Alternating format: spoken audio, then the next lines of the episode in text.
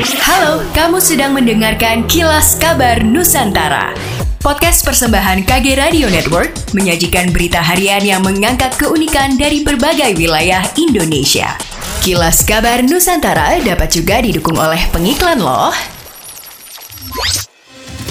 Ketua Komisi D DPRD DKI Jakarta Ida Mahfudah kembali mempertanyakan anggaran ratusan miliar rupiah untuk penanganan banjir yang tak kunjung terserap maksimal. Padahal, anggaran tersebut diambil dari pinjaman pemulihan ekonomi nasional atau PEN untuk kepentingan pembebasan lahan normalisasi sungai. Bulan lalu, masih tersisa anggaran 371 miliar rupiah, padahal sudah ada toleransi dari pusat yang awalnya diperpanjang sampai Maret dan sekarang diperpanjang lagi sampai bulan Juni, kata beliau. DKI Jakarta mengajukan pinjaman PEN sekitar 1,1 triliun untuk penanganan banjir Jakarta khususnya untuk kepentingan normalisasi sungai. Pemerintah pusat meminta agar pinjaman tersebut bisa terserap secara keseluruhan sampai akhir Maret tahun 2022.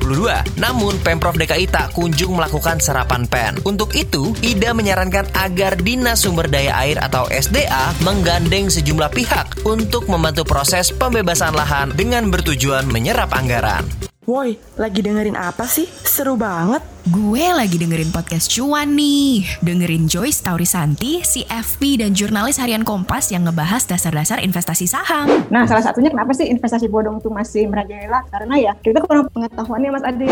Itu doang. Dengerin dulu dong. Cuan ini bahas asuransi juga loh sama Dion Rafael, Insurance Advisor. Lu masih takut kan kalau ditawarin asuransi?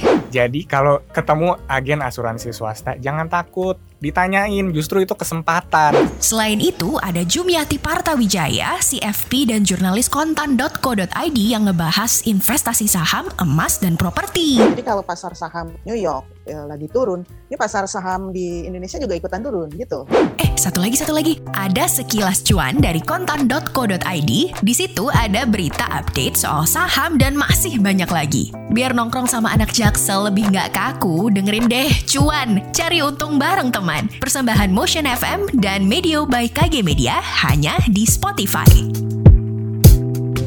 Wali Kota Makassar Dani Pomanto mengaku menunggu arahan pemerintah pusat mengenai ketentuan mudik lebaran Idul Fitri bagi aparatur sipil negara ASN. Dia mengatakan kebijakan yang diambil mempertimbangkan kondisi COVID-19 di mana saat ini penyebaran sudah terkendali. Selain itu, tren kasus terkonfirmasi positif telah menurun signifikan. Sepekan terakhir hanya berkisar 5 kasus per hari. Angka ini jauh dibanding saat puncak pandemi hingga ribuan kasus baru per hari. Dani mengakui opsi masyarakat bisa melaksanakan mudik agar bisa bisa berkumpul bersama keluarga, namun di sisi lain pengaturan tetap dibutuhkan untuk meminimalkan resiko penyebaran virus corona. Diketahui pemerintah mengizinkan masyarakat mudik lebaran 2022. Bagi masyarakat yang ingin mudik harus sudah melakukan vaksinasi COVID-19 lengkap dan vaksinasi booster sebagai syarat perjalanan. Ini akan menjadi tahun pertama dibolehkannya mudik di tengah pandemi virus corona. Sebelumnya pada lebaran 2020 dan 2021 lalu pemerintah melarang mudik.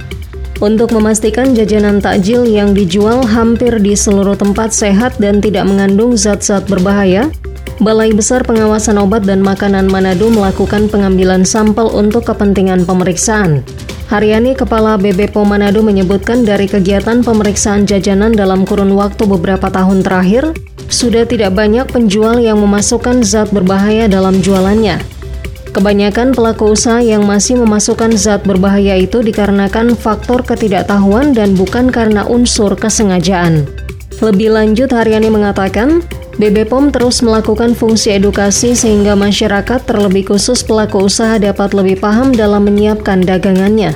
Sementara bila didapati, BB POM juga akan memberikan peringatan agar kejadian serupa tidak terulang kembali. Demikianlah kilas kabar Nusantara malam ini.